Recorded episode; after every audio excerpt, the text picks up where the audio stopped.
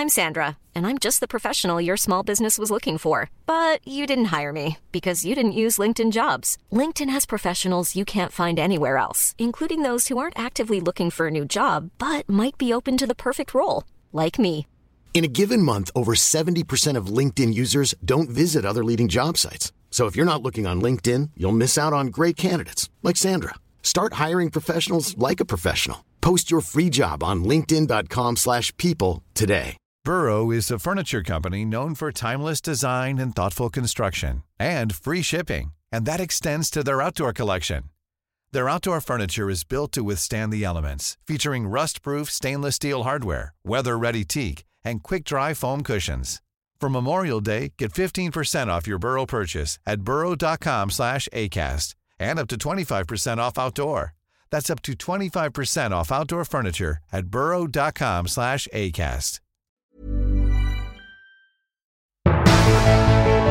Hvorfor klarer ikke maktmennesker å beklage skikkelig med en gang, så de slipper å bli dratt etter håret i dagevis? Vi har svaret. Og kan PFU starte en granskning på eget initiativ, eller må det sendes inn en formell klage fra noen? Og i så fall, hvem kan klage? Velkommen til Tut og Mediekjørs kanskje, tror jeg, muligens aller første bonusepisode, fordi vi klarte ikke å bli ferdig forrige gang, Eva. Ikke sant? Det er jo helt utrolig at vi har, eh, at vi har klart å holde oss utenom disse bonusepisodene helt til nå. Men eh, en annen ting som kanskje er aller første gang, er at vi er så skråsikre i innledningen og sier at vi har svaret. Ja, det, det er jo ikke sikkert vi har det. Det kan jo sikkert være flere svar. Men jeg syns det var interessant å prøve meg på en sånn Bare følg med, nå, så skal du, få, skal du få svaret. Interessant å prøve deg på en litt skråsikker holdning. Ja. Eh, Er, det, er det noe nytt fra deg, Svein Tore? Jeg har nok vært plaget av skråsikkerhet gjennom store deler av livet, men jeg blir mindre og mindre skråsikker, det skal sies. Ja, det, det kan jeg kanskje bekrefte når jeg tenker meg litt om. Mm. Men i hvert fall, dette er del to av, um, skal vi kalle det, eh, Aftenposten, Tajik, eh, VG, Skatt, Pendlerbolig-gate-saken. Um, Fra vinterferiebonanza, her hvor jeg sitter på fjellet, da. Nå er riktignok vinterferien over når folk hører dette, men jeg sitter altså på fjellet i en hytte og snakker med deg. Ja.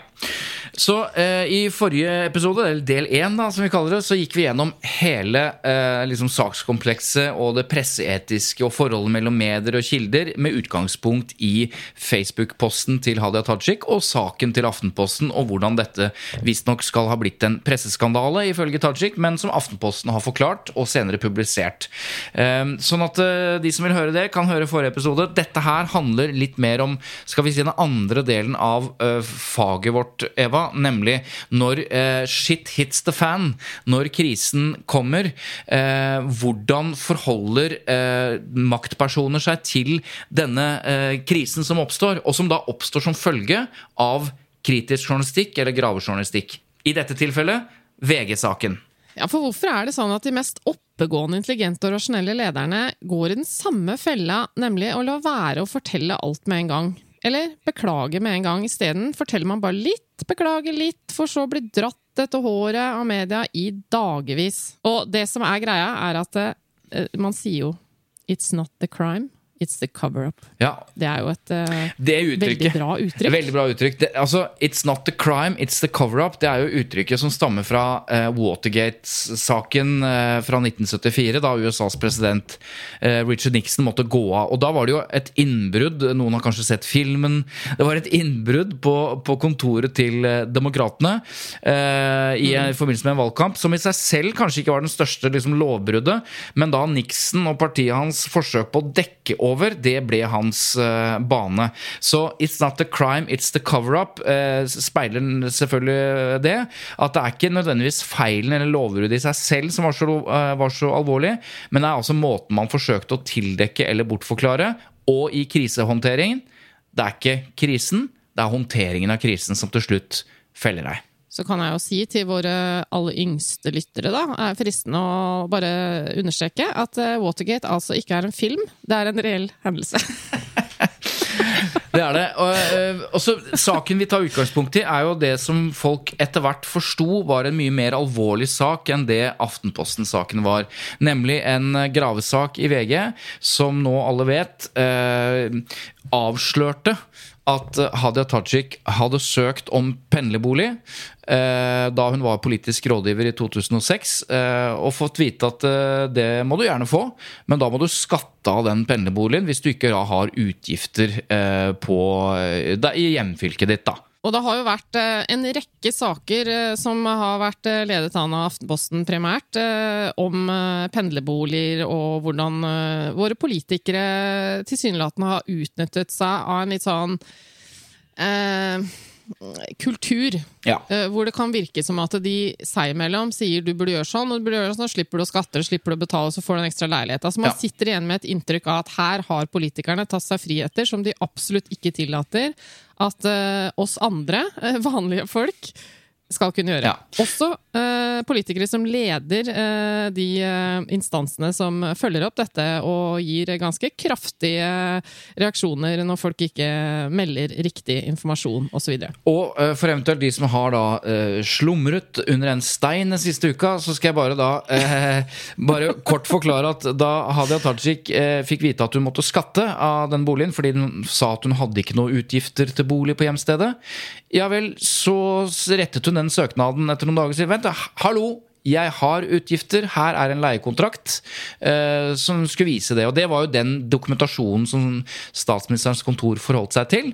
Og så har det blitt mye snakk om at hun faktisk hadde reelle utgifter, for hun påstod hun betalte til foreldrene sine.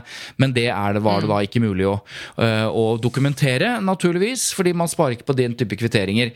Mens det alle nå har skjønt, er jo at det er jo ikke hvorvidt hun har betalt til foreldrene som har blitt det sentrale, men nemlig denne leiekontrakten som eh, plutselig var, hadde en litt merkelig dato, at den hadde dato før hun søkte om pendlerleilighet og sa at hun ikke hadde utgifter. Da hadde hun allerede en kontrakt, hvilket har fått noen til å si at da er den antageligvis tilbakedatert, eller det er et dokument som ikke er reelt. Enden på visa er i hvert fall at, eh, at når hun da eh, ga feil informasjon til statsministerens kontor, så er det det som er det alvorlige. Eh, og hun har da bestemt seg for å etterbetale skatten som du kan regne deg fram til ville vært en skatt, eh, hvis hun da måtte, og skulle som hun burde, skattet av den pendlerboligen. Det er ikke mulig alle, det er ikke, det er, det mulig ikke alle skjønte akkurat det når jeg ga en gjenfortelling nå, men da er det mulig å lese seg opp på dette i VG, f.eks. Hvis man altså ikke har slumret under en stein så denne uka, så har man fått eh, med seg det meste av dette. Men det som Jeg er har bare lyst til å si en ting ja. som vi ikke rakk, eh, Svein Tore, i, i den forrige del én av den episoden, og det er at eh, de- den Aftenposten-saken som vi diskuterte da? Det, jeg har lyst til å si fra et menneskelig perspektiv, da. Eh, uten å vurdere all presseetikk og detaljer i, i håndteringen mellom avis og kilde osv., så, videre, så er det jo nå engang sånn at den Aftenposten-saken den fremstår jo veldig lite alvorlig hvis man ser dette i det store bildet, nemlig vi har en politiker uh, som er i en situasjon uh, hvor det tydeligvis er sikkerhetstrusler som vi helst ikke skal vite så mye om. Eh, og som da ikke kan bo i sin egen leilighet, eh, får en, et annet sted å bo for å få gjort jobben sin som politiker.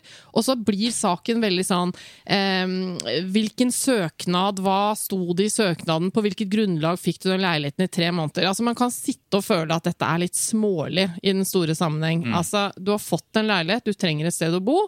Eh, og om du har skrevet det eller det i søknaden som begrunnelse, om du sa sikkerhetsgrunner, eller om det var PST som anbefalte deg ditt eller datt og sånn. For meg, akkurat den saken der, hvis jeg tar et skritt tilbake, så virker alt dette litt sånn veldig mye storm i et vannglass, egentlig. Eh, men selvfølgelig, eh, rett skal være rett, og dialogen med media skal være rett, og sånn, så det er ikke det, men jeg ville bare ha sagt det, at eh, den saken som Aftenposten har konsentrert seg rundt, det, det er egentlig ikke store greiene. Ja, eh, jeg er i hvert fall enig i at eh, den er ikke like stor som VG sin sak, og jeg er enig i at det er et menneskelig perspektiv her. Eh, jeg mener fortsatt det er en nyhetssak, og det er en sak som ja. er forsvarer publisering, men, men ja. Men Men jeg, man blir sittende og føle at det er mye diskusjon om detaljer om hvem sa hva, og ikke sant, sa PST egentlig at du burde sånn sånn, som jeg tenker sånn, dette er egentlig ikke så veldig interessant for meg. Jeg syns allikevel at en politiker burde få et sted å bo hvis man ikke kan bo hjemme. på en Mm. måte. Så, men eh, poenget mitt med å si det var bare at eh, Men når vi kommer til denne VG-saken, Ja. så er det en annen historie. Ja, og, det, og den saken eh, den eh, var like alvorlig på søndag da den ble publisert, som den er eh, i dag, for fakta var framme. Det som har endret seg, det er eh, hvordan Hadia Tajik har valgt å forholde seg til denne saken på.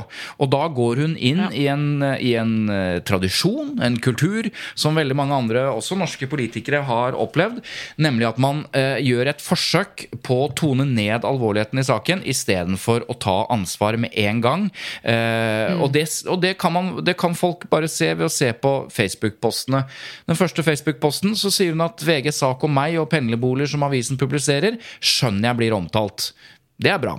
At det er 15 år siden at jeg var 23 år gammel, kunne vært tydeligere fremhevet. Allerede der begår hun jo den kardinalfeilen av å ikke innrømme feil, men forklare feil. Altså Man skyver dette med 23 år og 15 år siden eh, i front, eh, og hun fokuserer ikke på det som er hovedkritikken, nemlig at hun har gitt feil informasjon til norske myndigheter. Hun fokuserer på at hun ikke har eh, denne, mm, skal vi si, denne, disse kvitteringene i en skoeske under senga. Så hun gjør altså et forsøk på å gjøre den saken mye mindre enn det den er, eh, og det holder ikke. Eh, og det gjør jo at hun, at hun må komme med et nytt eh, innlegg der hun der hun plutselig Kalte tar det uryddig. ja, hun kalte det uryddig først, mens mm. det hun gjør i den neste e-posten, er at hun sier at hun burde håndtert dette annerledes eh, med en gang, allerede da hun ga arbeidsgiver oppdatert informasjon. Og da er det en helt annen tone, da beklager hun. Hadde den beklagelsen kommet som første post, eh, så hadde situasjonen vet, vært annerledes. Det vet vi som jobber med liksom denne dynamikken i, i kommunikasjonen og kriser og sånn. Her ligger mye av forskjellen. Og det har jo også resultert i at eh, fortsatt så stilles det kritiske spørsmål.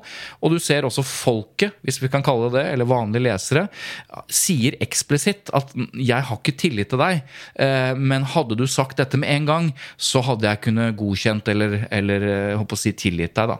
Og det er, det er fascinerende, altså. Men du, eh, for, eh, for alle de som hører på oss som ikke er en del av andedammen, kan ikke du forklare litt eh, En politiker som Hadia Tajik, hva er det hun har rundt seg av eh, bistand? Eh, profesjonell kommunikasjonsbistand, bare sånn kort.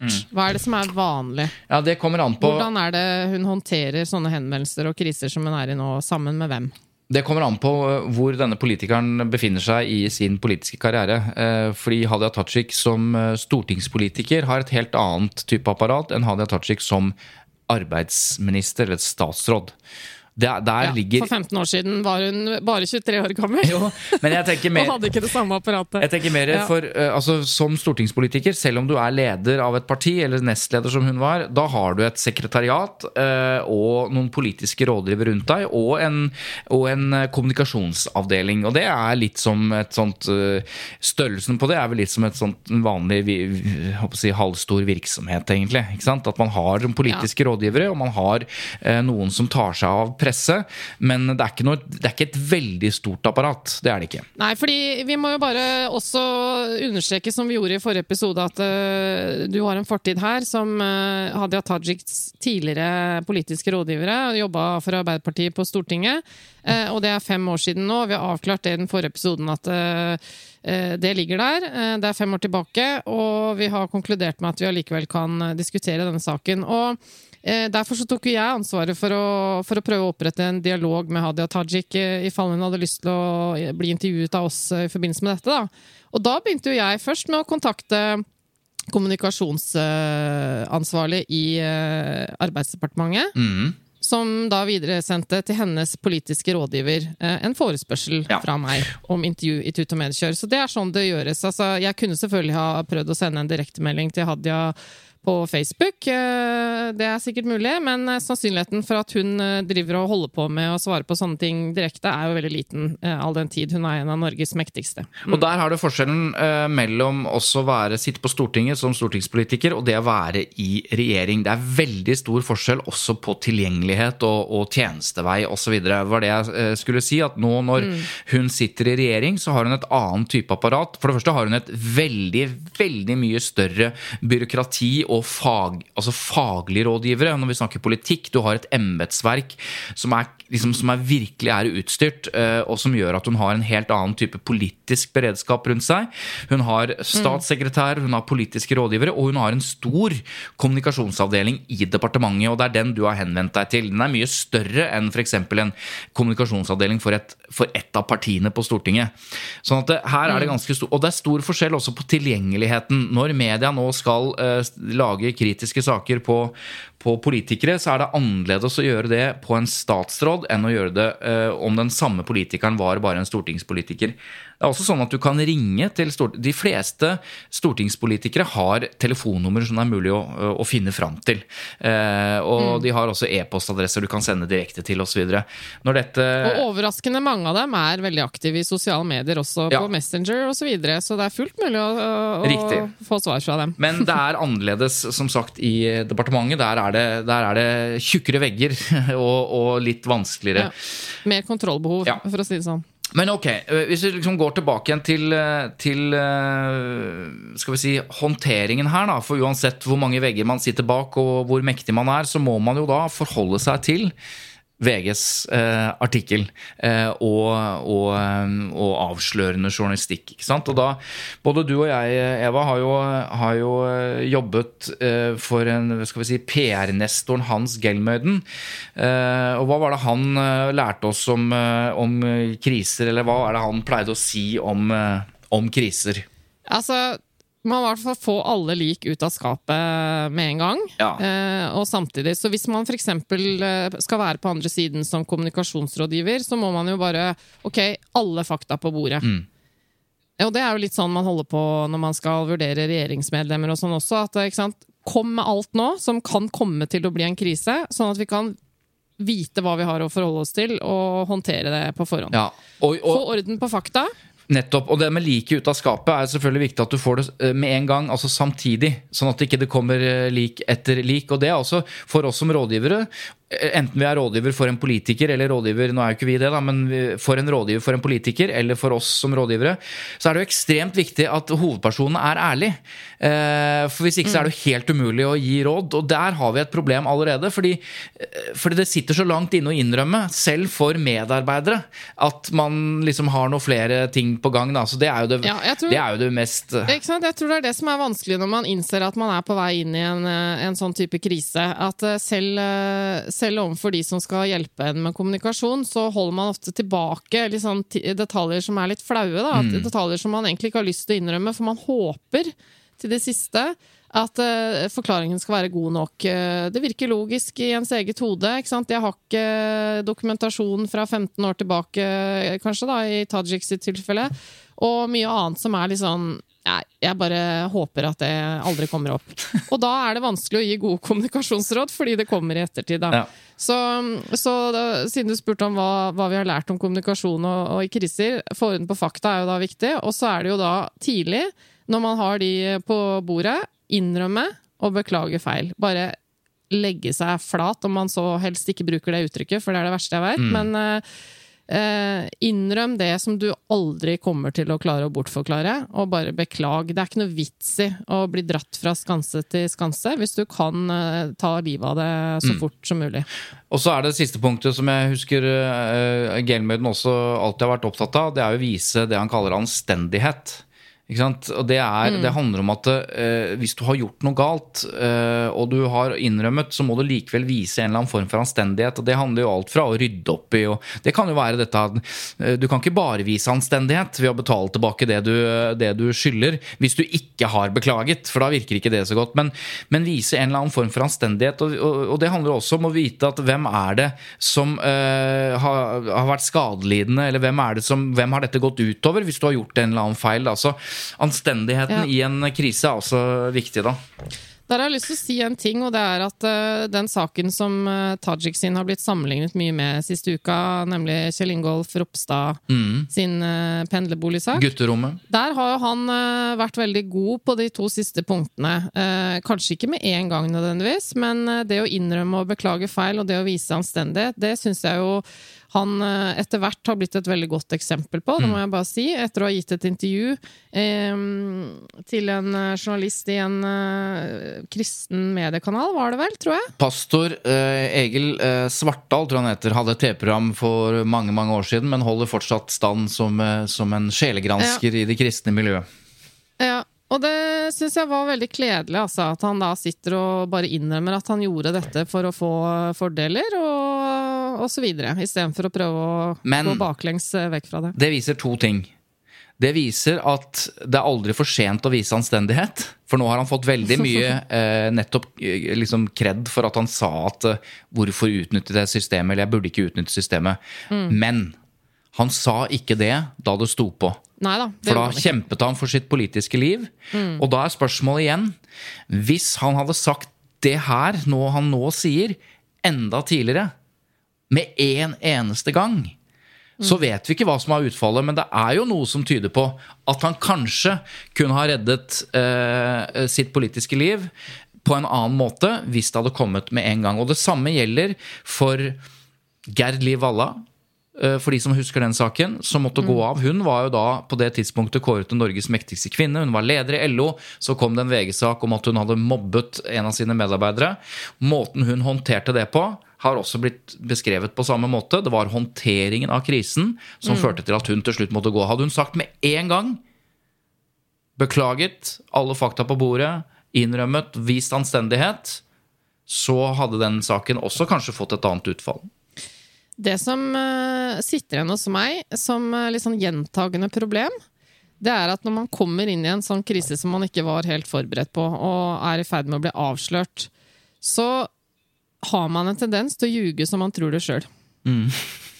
Man forteller en versjon av situasjonen som er så overbevisende inni sitt eget hode at man rett og slett tror på det sjøl. Det syns jeg er litt sånn gjentagende. Ja, det er det. Og det er jo derfor det er så viktig å ha noen ved siden av deg som sier 'come on', da. Ikke sant? Ja. Noen som tør å stille de kritiske spørsmålene og si uansett hva du sier nå, så er dette irrelevant. Det tar seg ikke ut, rett og slett. Jeg har lyst til å gjøre en, en, en øvelse, for denne bonusepisoden skal selvfølgelig ikke være like lang som en vanlig episode. Det Derav navnet. Det må være, det må være noe bonus. du, vi får nå se. Men eh, jeg har kikket litt grann på eh, de som har forsket på eh, cover-ups. Altså de som har sett på alle disse store uh, sakene. Disse, vi nevnte Watergate, som er jo opprinnelsen til begrepet 'it's not the crime, it's the cover-up'. Men de, har sett, uh, de som har sett på alle disse store krisene, dette er primært i USA, har jo da satt opp en slags typologi eller en, en sånn oversikt over hva som er kjennetegnet for alle disse eh, krisene. Hva som blir gjort da når man forsøker seg på cover-up. Og den første La, la liksom meg gjette. La meg gjette hva Ja, men- det første er. ja, du skal få lov til det. Men uh, dette går jo flere faser. For det no, noen, den første fasen som jeg skal legge vekt på nå, det er liksom de første svarene. Altså hva du gjør helt initielt i en krise. Også, Og i, i, i disse krisene som jo har vist seg å inneholde mye kriminalitet, da, at man enten korrupsjon eller bestikkelse, eller sånn, så, så det, går det videre på liksom hva, hva som er vanlig å gjøre uh, når du går over i den fasen. Altså forsøker å bestikke folk osv. Men vi skal da konsentrere oss om første fase. Ja, jeg gleder meg. Dette er gøy. Men du skulle tippe hva som var først? Ja, Hva som er det første? For det tror jeg kan sammenlignes med enhver lille krise eller krangel eller påstand du får eh, Ja. når du hjemme osv. Mm. første du gjør, er jo bare å gå inn i benektelsesfasen. Det er helt riktig. Man bare, man bare sier at uh, det, er, det der er ikke riktig. Ikke sant? Nei, jeg har ikke gjort det. Jeg har ikke gjort det. Um, og eh, i saken om Aftenposten og Hadia Tajik og saken om VG Hadia Tajik, eh, så er dette det er ikke like stringent, men jeg skal forsøke å dra folk gjennom disse fasene ved å bruke noen eksempler på eh, hva eh, Hadia Tajik valgte å eh, gjøre i disse sakene. Altså, Første, det å benekte, det, det gjør hun ganske tidlig i det Facebook-innlegget. Det ligger jo på en måte i hele sakens natur at hun ikke har gjort noe galt. Ikke sant? Eh, Det er det første. Så kommer punkt nummer to. Det, har jo da, det handler om å overbevise media om å begrave historien at dette er ingen sak. Det er, nå må dere slutte, dette er ingen sak. Og så forsøker man på det og det. Det har jo vært en dialog eh, mellom eh, Hadia Tajik og Aftenposten lenge, eh, hvor premisset har vært diskutert osv. Hvor man helt, og, helt jobber beinhardt for at dette ikke skal bli noen sak, fordi dere er på feil spor, liksom. Det er på, dere er på villspor. Kan jeg bare komme med en liten Jeg tror at de som er enda mektigere eh, har noen ganger eh, bevist eh, at det er andre ting man kan gjøre i denne del to. Nemlig istedenfor å overbevise media om å begrave den historien, så kan man bare lage en mye større krise et Ja. annet sted, f.eks. en krig, eh, for å bare sørge for at den historien blir begravet i en større sak. Mm. Det har vi jo sett, i hvert fall hypoteser om at amerikanske presidenter har gjort. Absolutt. Så har du eh, punkt tre, eh, som de har sett eh, ofte skjer, at det er en slags distribusjon for å forebygge dette. da, Forebygge denne krisen, så er det en distribusjon av falsk informasjon. Det kan vi i denne saken ikke hevde. Det vet vi ingenting om om det er, blitt, om det er falsk informasjon ute og går. Altså Man prøver seg på en løgn i en tidlig fase. Det vet vi ikke om har skjedd i denne saken. Nei. Antageligvis ikke. Eh, og så er punkt nummer fire, det er interessant, det er å påstå at problemet er minimalt. Eh, Og da gå over i eh, den delen, del to av krisen, altså det, det som handler om VG-saken. Og der eh, forsøker jo Hadia Tajik seg på ganske tidlig å si at dette er, dette er uryddig. Eh, og jeg har jo ikke noe skoeske med ung. kvitteringer. Og jeg var ung. Det er alle disse forsøkene på å minimalisere eller, eller, eller gjøre, gjøre problemet mye større Nei, mye mindre enn det det i realiteten er, da. Ja, også til Tajiks uh, forsvar. Uh, ja, det er jo lenge siden. Og ja, hun var jo ung, og Ja. hun hadde ikke det samme apparatet rundt seg. Og kanskje var bare et slags offer for en veldig etablert kultur, hvor de andre rundt henne sa at sånn gjør du det. Ja. Bare så det er sagt. Så kommer uh, punkt fem, som, som jo henger på uh, det, punkt fire. Fordi uh, det handler om å gjøre krav på feil minne, som det heter. Ja, eller, ja. eller påstå at man rett og slett bare Dette husker jeg ikke. Det er også en veldig viktig, svært viktig taktikk. Og her spiller jo dette inn. Som vi også ser i rettssaker. Absolutt. Man husker ikke. Mm. Man sier at man ikke husker, og det kan jo ofte stemme. I denne saken Mm. så handlet det jo om at hun ikke husker hva hun betalte. Hva hun betalte for, eller når, eller hvordan. Eh, Og igjen Mm. kom denne skoesken som ikke fantes med kvitteringer. Altså man, man hevder at man ikke husker ting. Og så er det mange som har diskutert akkurat den, eh, den, eh, det poenget der. Altså Hvis du har betalt som 23-åring 5000 kroner hver måned, eller 3000 kroner hver måned, så, så er det jeg hadde, jeg hadde husket det, for det er så unormalt å betale penger til sine egne foreldre.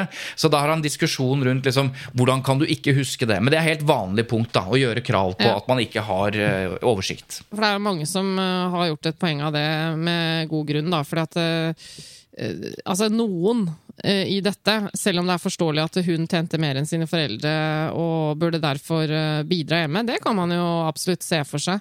Så er det jo rart at ingen husker det. Ja. Så det, har vi kommet til punkt seks, og det er å påstå at anklagene ikke er Ikke, bare, ikke den benektelsen først. Man, man, man går inn og sier at dette er halvsannheter, dette er ikke presist, det er ikke riktig, dette er ikke riktig osv. Det har vi sett flere eksempler på. I saken med Aftenposten så, så skriver hun jo rett ut at det Aftenposten påstår er feil. Hun disponerte f.eks. ikke to leiligheter.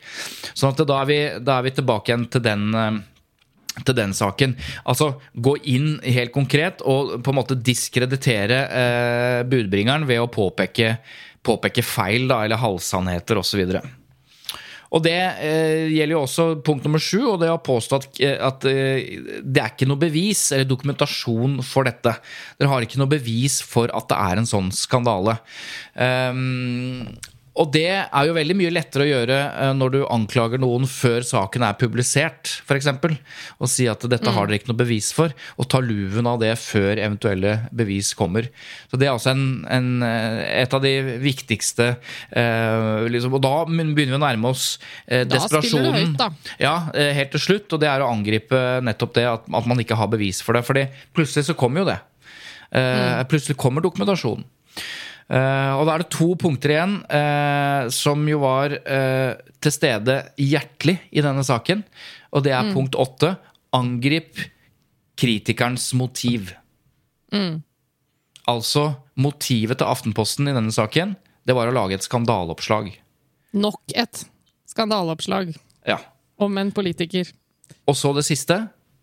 Når du har angrepet kritikerens motiv, motivet er skandaleoppslaget, så angriper du også kritikerens karakter. Kan du huske hva hun har sagt om, da i dette tilfellet, nå er det ikke VG-saken, eh, men Aftenposten, hva er det hun har sagt?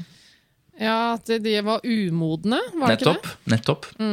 hun karakteriserer Aftenposten og journalistene eh, på den måten ved å si at de er umodne. Dette var umodent. Så nå kan jo de som hører på tenke at ja, nå har dere slått sammen Aftenposten og VG-saken, og det er to vidt forskjellige saker, og det tror jeg vi har klart å uttrykke eh, tidligere i denne episoden, at vi er fullstendig klar over dette her. Men når vi ser på det som eh, kjennetegner eh, et, en, et maktmenneske i krise, disse ni punktene vi nå har gått gjennom, så er det allikevel interessant å se at vi, vi toucher inn på en del av de, fordi rett og slett det er det som er helt vanlig. Når du ikke gjør det du burde gjort, nemlig eh, å eh, ikke angripe, men å beklage, da. Så skal det sies at det er ikke er sikkert at hun har noe å beklage for Aftenposten-saken. Det har vi gått igjennom. Men eh, når det gjelder VG-saken, så, så, eh, så tok det en uke nesten før, eh, før vi havnet der. Det som er grunnen til at eh, både vi og resten av eh, debatten blander disse sakene sammen, er jo fordi at de henger jo litt sammen. ikke sant? Det vi ikke vet her, er jo eh, hva slags plan eh, Hadia Tajik og hennes rådgivere eventuelt hadde med dette angrepet på Aftenposten. Fordi vi vet jo at, at de var fullstendig klar over den VG-saken som var under arbeid. Hun hadde jo vært i dialog med VG, måtte svare på spørsmål vedrørende dette også. Eh, Så det er jo de som hevder at eh, denne avledningsmanøveren, som eh, de da kaller det, kanskje var egentlig mer rettet mot det som skulle komme i VG, enn egentlig mot det som skulle komme i Aftenposten. Mm. Der det, er jeg det er det ja. ingen som vet. Nei, men der, er, der har jeg en ganske klar mening. Og jeg, jeg, jeg tror rett og slett ikke det var forsøk på avledning eller lynavledning eller manøver eller noe som helst. Det var en manøver. Det var det, knyttet til Aftenposten, eh, for å drepe den saken. Men eh, når noen antyder at eh, det var en lynavleder for, for det som kommer seinere, altså VG-saken, som hun selvfølgelig også visste kom, det tror jeg rett og slett ikke. Fordi det, da kan du tenke to skritt frem. Hjelper det å angripe Aftenposten når VG har en helt bunnsolid sak på deg? Det gjør jo ikke det. Altså, den saken forsvinner jo ikke bare fordi du har skapt furore på fredag, liksom. Det vet hun jo. Så så den blir, den blir liksom Jeg tenker at den blir altfor enkel, da. Ja. Jeg tror hun var, tok disse sakene én og én. Hun hadde planlagt å angripe Aftenposten for å ta livet av den saken. Og så hadde hun tenkt eh, å anerkjenne eh, liksom, VGs kritiske sak. Hun satte jo disse sakene opp mot hverandre. Aftenposten, presseskandale. VG, berettiget sak. Det hun bare gjorde feil, det var det alle i krise gjør feil. Hun, hun ga ikke til kjenne at hun forsto alvoret med en gang. Siden vi har snakket om øh, øh, vår gamle sjef Hans Gelmøyden, eh, så har jo han vært ute og, og kritisert eh, noen aktører i denne saken, har han ikke det? Jo, han har Fordi det er jo et faktum at Hadia Tajik, for de som ikke vet det, er jo da gift med en kommunikasjonsrådgiver. Det ja, en som var politisk journalist i Dagens Næringsliv, eh, og Mm. som da ble kjæreste med Hadia Tajik, eh, og måtte jo da slutte Kjæreste? som politisk, eh, politisk journalist, og tok jobb i en anerkjent bransje som vi kjenner godt, nemlig kommunikasjonsbransjen. Det er helt riktig. Anerkjent og anerkjent. Jo, Hans Gelmyden har, eh, har vært ute med sin høye skal vi si, høye sigarføring eh, og tydelige stemme og sagt det vi egentlig sier nå, men han sier det litt eh, røffere. At krisehåndteringen står til stryk. Men han har vel gitt et lite spark til sin konkurrent, var det det du tenkte på? Ja, det var det jeg tenkte på. Fordi altså, Hadia Tajik mann har jo ikke noe rolle i dette offisielt. Og heller ikke det byrået han jobber for, eh, har noen rolle i dette. Men eh, det er jo ingen eh, i dette land som tror at Kristian Skar, som han heter, våkner opp om morgenen og sier at ja, Hadia, du står i en krise. Dette har jeg selvfølgelig masse meninger om og kommunikasjonserfaring med osv. Men i anstendighetens navn, dette vil jeg ikke snakke med deg om. Nei, eh, det, er vel, eh, det er vel mulig at eh, pillow-talken her har også gått over i en profesjonell, eh, profesjonell fase. Det vet vi ingenting om, men som du sier Det vet vi ingenting om. Når- når-. Når du står i en krise som handler om politikk og presse, og du er gift med en som har uh, vært journalist i mange mange år, og nå er kommunikasjonsrådgiver. På toppen av begge ja. Så hadde jeg nok i hvert fall spurt eh, mannen min, eh, om hva han tenker. Og det må vi også til, legge til. Det skulle da bare mangle eh, om hun ikke gjorde det. Men det er klart, det som Hans Gelmøyden eh, litt fleipete sier, er at eh, Try Råd sine råd eh, ikke er eh, spesielt eh, gode. Og da antyder han jo at det har vært et formelt oppdrag hvor Try Råd eh, gjennom andre rådgivere kanskje eh, har eh, jobbet på en måte på vegne av Hadia Tajik. Og det, det ville jo vært liksom Også fordi at Try har jobbet eh, for Arbeiderpartiet tidligere Ja. og Så, videre, så det har vært et kundeforhold der. Men det har det altså ikke vært et formelt eh, samarbeid der, nei. Nei, det, det har i hvert fall blitt avkreftet uh, veldig tydelig, da. Det har ikke vært eh, noe betaling. Noe betalingsoverføring for rådgivning, i hvert fall. Sier de. Men eh, da kan jo vi avsløre da på tampen kanskje at vi har vært strategiske rådgiver og kommunikasjonsrådgiver for Aftenposten gjennom hele den saken her. Det var kanskje på tide at vi sa det sånn helt på, slutt, helt på slutten her. Nei da. Det har vi ikke vært. Men det, det var tull.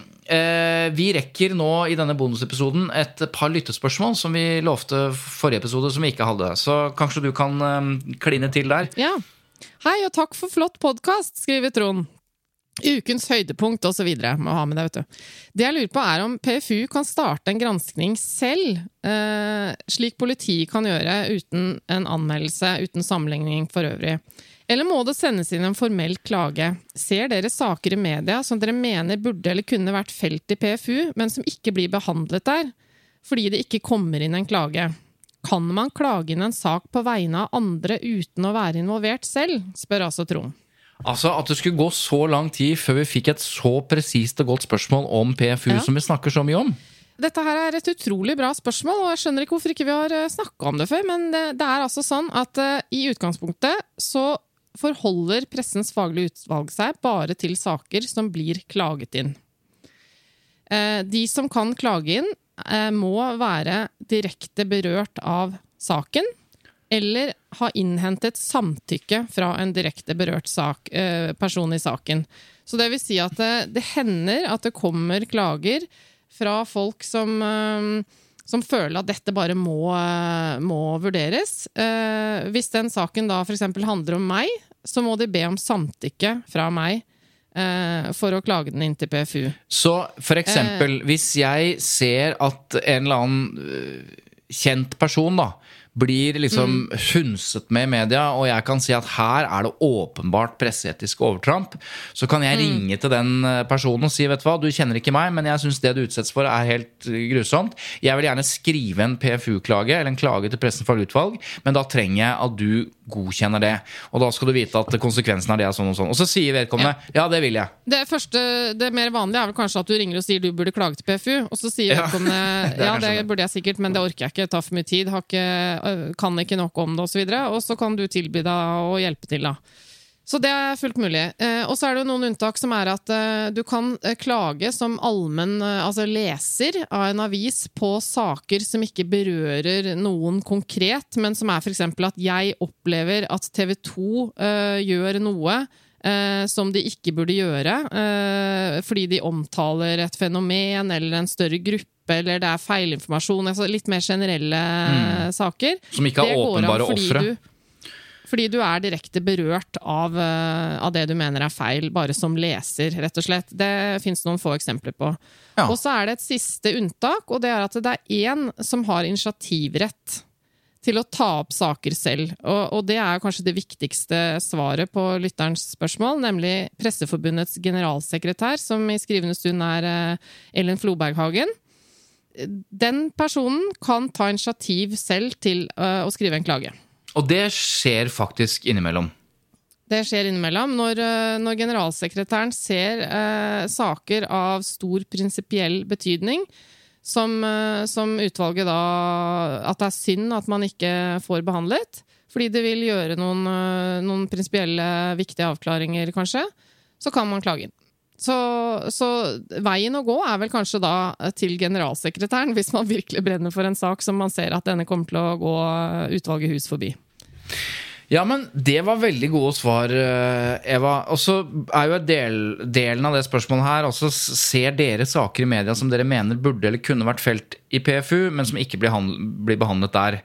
Eh, fordi det ikke kommer inn en klage. Og svaret er ja. Det svaret, svaret er ja. Det svaret er ja. Mange. Eh, ja, og det er jo eh, Og det er derfor det er Vi kaller jo ikke mørketall, det ikke, vi kan jo ikke vi kan ikke konkludere med at det har vært brudd, eh, sånn som mørketall innenfor eh, kriminalstatistikken. Men, men det vi vel kan si, er at eh, hvis alt som på en måte um, burde havnet i PFU, i hvert fall for en prøving, hadde havnet der, så hadde vi måttet gange si, sekretariat og medlemmer med ganske mye. fordi det sier seg selv at de hadde ikke vært i nærheten av å kunne behandle alt som på en måte ja. grenser til presseetiske brudd. da. Og dette kunne vi snakket mye om, for det, det, er jo sånn at eh, Pressens faglige utvalg er finansiert av pressen selv. Det er stort sett basert på så å si frivillig innsats fra de som sitter i utvalget, og litt lave honorarer til de som representerer allmennheten osv. Eh, og det er allerede veldig mye arbeid eh, som kreves av de som sitter der. Så hvis man skulle holde på og, og behandle ja, minst dobbelt så mye som behandles i dag, så ville dette måttet eh, systematiseres på en helt annen måte. Det måtte vært eh, kanskje flere parallelle utvalg som jobbet oftere osv. For behandlingstiden nå for en uh, klage er vel eh, Det er jo flere måneder, ikke sant? fordi det kommer en klage, så skal medier få svare, og så skal klageren få svare. Så går det to runder, uh, og så er det behandling i utvalget og uttalelse osv. Så, videre. mm. så dette er ganske omfattende prosesser, da. Mm. Du, Vi skal ta med et siste lyttespørsmål uh, på tampen av denne bonusepisoden.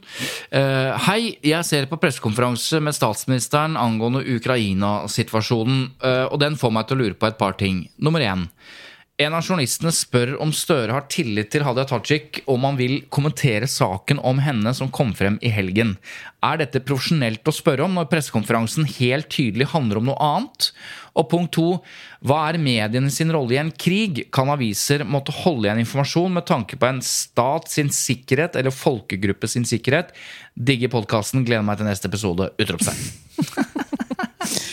Oi, det var to veldig ulike spørsmål. Ja, ja det første syns jeg er veldig interessant. Det har jeg tenkt på selv noen ganger òg. Altså, Man er på en pressekonferanse, skal snakke om en potensiell krig, og så kommer det alltid spørsmål om noe juicy greier som foregår eh, på hjemmebane. Ja. Dette er jo ikke uvanlig. Nei, det er ikke uvanlig. Og spørsmålet er eh, ikke om det er lov, eh, men det er om det er profesjonelt. Og det, og det kan man mm. diskutere. Ehm, det vil fremstå ganske utidig av og til å komme med spørsmål som er helt off topic. På en annen side, mm. i enkelte situasjoner så kan man forsvare det fordi kanskje har man prøvd og fått svar om dette av denne personen, denne politikeren, i lang, lang tid. Og så benytter man bare den muligheten man har, når man har vedkommende foran seg, til å stille spørsmålet. Eh, I dette tilfellet så er jo om Støre har tillit til Hadia Tajik eller ikke, det hadde vært mulig å spørre, spørre han om det før eller etter pressekonferansen, antageligvis. Ja. Så, ja. så, her, eh, uten at jeg så den pressekonferansen, så virker det litt sånn litt rart, da. Jeg tenker det vil se bedre ut uh, fra, altså, fra journalistens side å ta det etterpå. Ikke mens man står oppreist i den uh, live overførte pressekonferansen. Da. Det virker bare urettferdig, på et vis. Mm.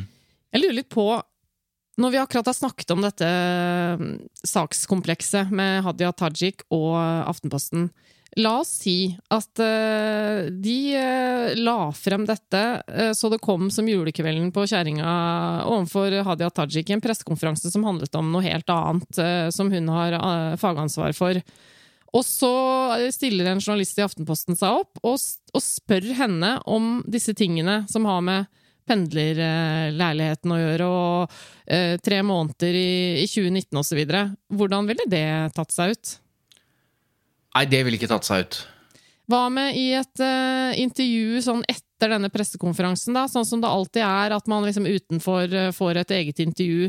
Uh, nå har ikke Aftenposten for vane å lage altfor mye TV-innslag, da, men men eh, det er jo sånn eh, Konfrontasjonsjournalistikk er jo ofte ganske effektivt. Du tenker men, at her eh, ville ikke Aftenposten tenkt at det var rettferdig?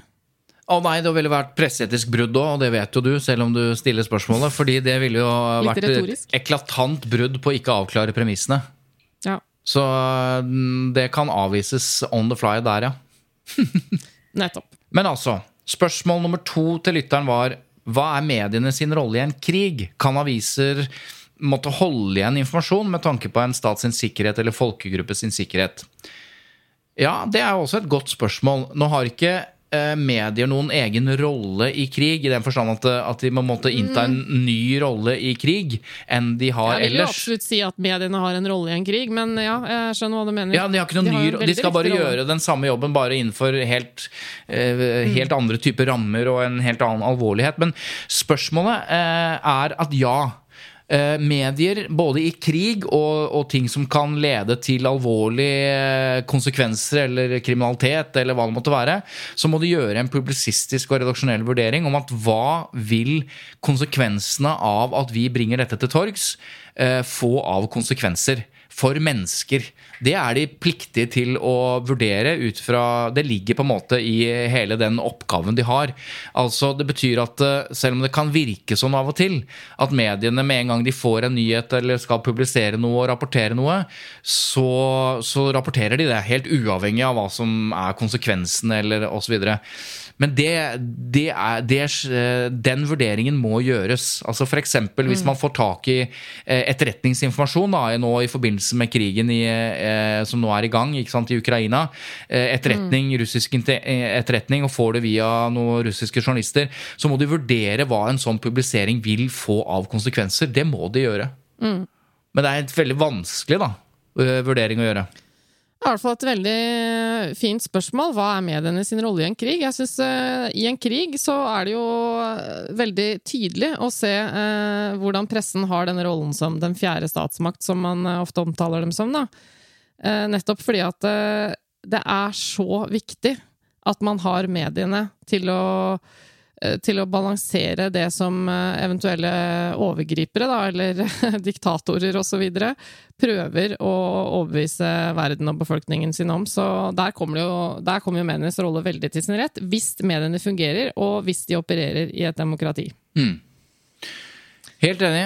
Ja, Um, skal vi ta noen flere spørsmål, eller? Nei, jeg tror vi, vi har vel lovt at denne episoden skal bli litt kortere. Hvis vi skal holde det løftet, så må vi si takk og farvel til. Ja, Vi må rett og slett si takk og farvel ganske raskt. Så tusen takk for at du hørte på del to av, eh, av eh, ja, denne, dette sakskomplekset om, eh, om Tajik og Aftenposten og VG og skatt og pendlerbolig. Eh, og det er fortsatt Lyder Produksjoner som produserer, så takk til Lyder, og takk til også Simon som klipper. Takk til deg, Svein Tore Bergestuen, som er da en av to programledere i denne podkasten. Vi har en tendens til å glemme å si hvem vi er. Ja, takk til deg, Eva Sandum, som uh, jobba på og bidrar uh, hver eneste uke. Det skal du ha skryt for. Det skal du òg. Og takk til lytterne som hører på. eh, faktisk eh, Aller mest til dere. Ja, og enda mer engasjerte. eh, stadig mer eh, spørsmål og interesse, så det er vi veldig glad for. Ha det bra, Ha det!